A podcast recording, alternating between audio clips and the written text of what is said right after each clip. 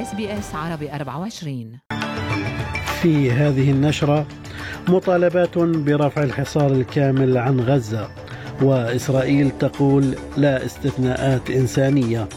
الرئيس المصري يؤكد ضرورة بقاء شعب غزة متواجدا على أرضه. وأستراليا تدخل في الصمت الانتخابي قبل يوم واحد من موعد الاستفتاء على الصوت.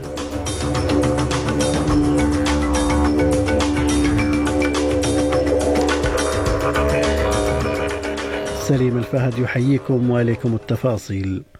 تقول إسرائيل أنه لن تكون هنالك استثناءات إنسانية لحصارها وقصفها الجوي لقطاع غزة حتى يتم إطلاق سراح جميع الرهائن الذين تحتجزهم حركة حماس.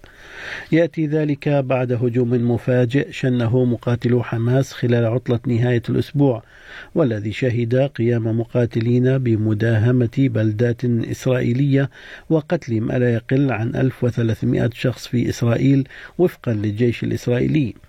وردا على ذلك منعت إسرائيل سكان غزة البالغ عددهم مليونان وثلاثمائة ألف نسمة من الحصول على الغذاء والماء والوقود والكهرباء وقصفت المنطقة بغارات جوية مما أسفر عن مقتل ما لا يقل عن 1400 شخص.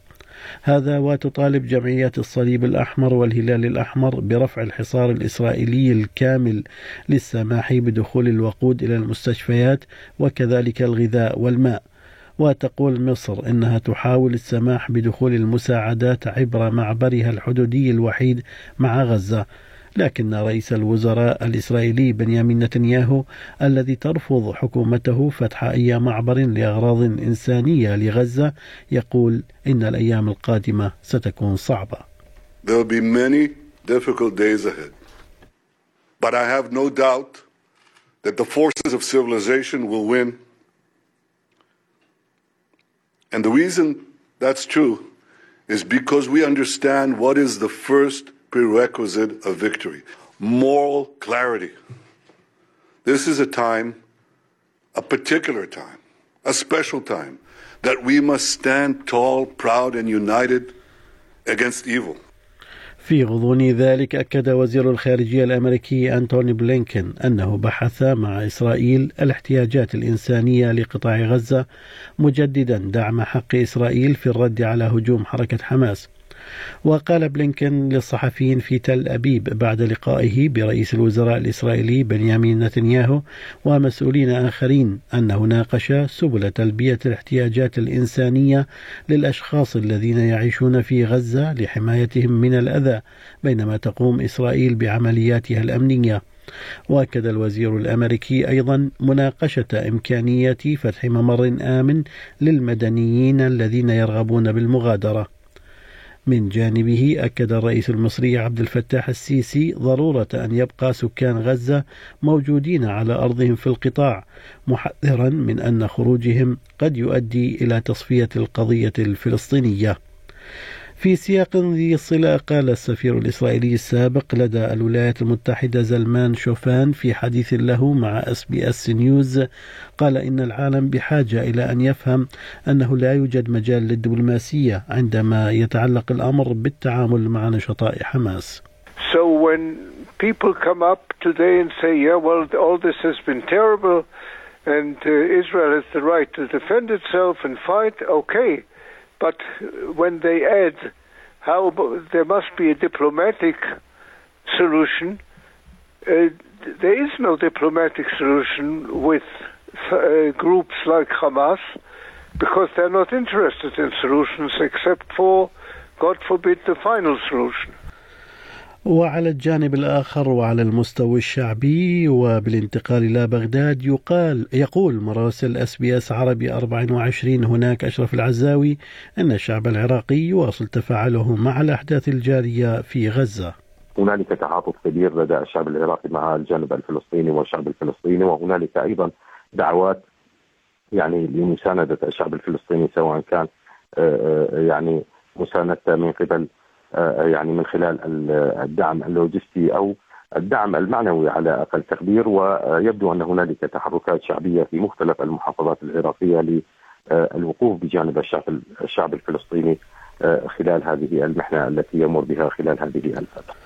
أما هنا في أستراليا فقد قال رئيس الوزراء أنتوني ألبانيزي إن حكومته ستسترشد بأحدث النصائح الأمنية أثناء محاولتها مساعدة الأستراليين الذين يرغبون في مغادرة إسرائيل. وبحسب التقارير الإعلامية الواردة فإن 1500 أسترالي متواجدين في إسرائيل أعربوا عن آه، رغبتهم في العودة إلى أستراليا. هذا ومن المقرر أن تتوجه أول رحلة من ثلاث رحلات عودة إلى تل أبيب يوم اليوم الجمعة وتنقل الركاب بعد ذلك إلى لندن. واضطرت طائرة تابعة للخطوط الجوية البريطانية كانت متجهة من لندن إلى تل أبيب يوم الأربعاء إلى العودة قبل الهبوط في المدينة بعد أن رأى قائد الطائرة أن الهبوط غير آمن.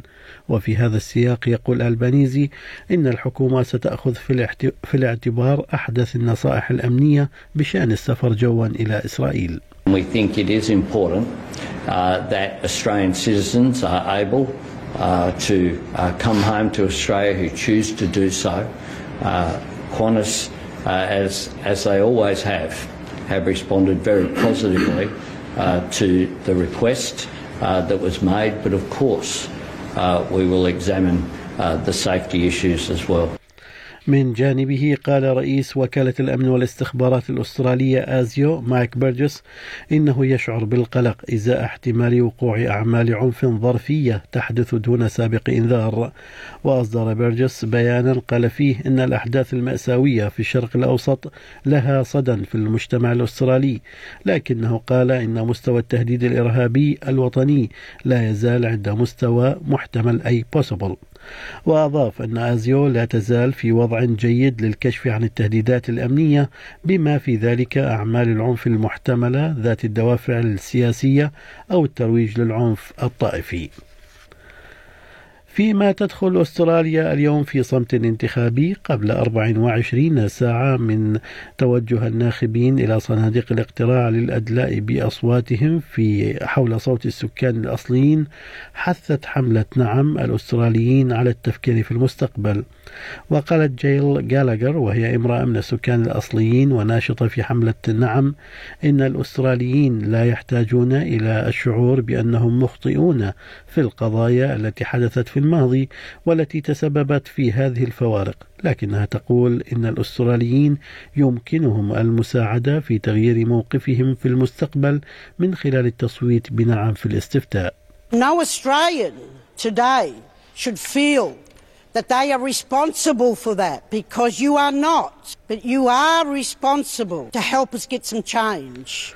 وعلى الجانب الآخر قالت المتحدثة الرسمية باسم المعارضة الفيدرالية لشؤون السكان الأصليين جاسينتا برايس أنه يجب على الأستراليين التصويت بلا في الاستفتاء لأن فكرة الصوت تأتي من مكان مكان سلبي على حد تعبيرها. As a country, we need to reflect on how good we've got it so that we can move forward together with with positivity and stop trying to make changes that are born out of grievance. That's what we need to do as a country. That's how we'll get results. يذكر أن مراكز الاقتراع ستفتح أبوابها غدا في أستراليا ابتداء من الساعة الثامنة صباحا حتى الساعة السادسة مساء من أجل استقبال الناخبين للإدلاء بأصواتهم في الاستفتاء حول صوت السكان الأصليين من هذا الخبر ننتقل بكم مستمعينا إلى آه، الرياضة حيث سيتم تكريم أسطورة ال footy الراحل رون باراسي بحفل لتأبينه رسمي في ملعب ال MCG في ملبن الشهر المقبل. وتوفي اللاعب والمدرب الأسطورة عن عمر يناهز 87 عاما. في أسعار العملات بلغ سعر صرف الدولار الأسترالي 64 سنتا أمريكيا. حالة الطقس المتوقعة لهذا اليوم. بيرث مشمس أقصى درجات الحرارة فيها 31 أدليد غائم جزئيا 19 ملبن غائم 17 درجة. هوبرت أمطار متفرقة 16 كامبرا مشمس إجمالا 19 درجة. سيدني مشمس 23 بريسبن مشمس 32 درجة. وأخيرا داروين مشمس إجمالا 36 درجة. كانت هذه نشرة الأخبار قرأها على حضراتكم سليم الفهد من أس بي أس عربي 24 شكرا لإصغائكم.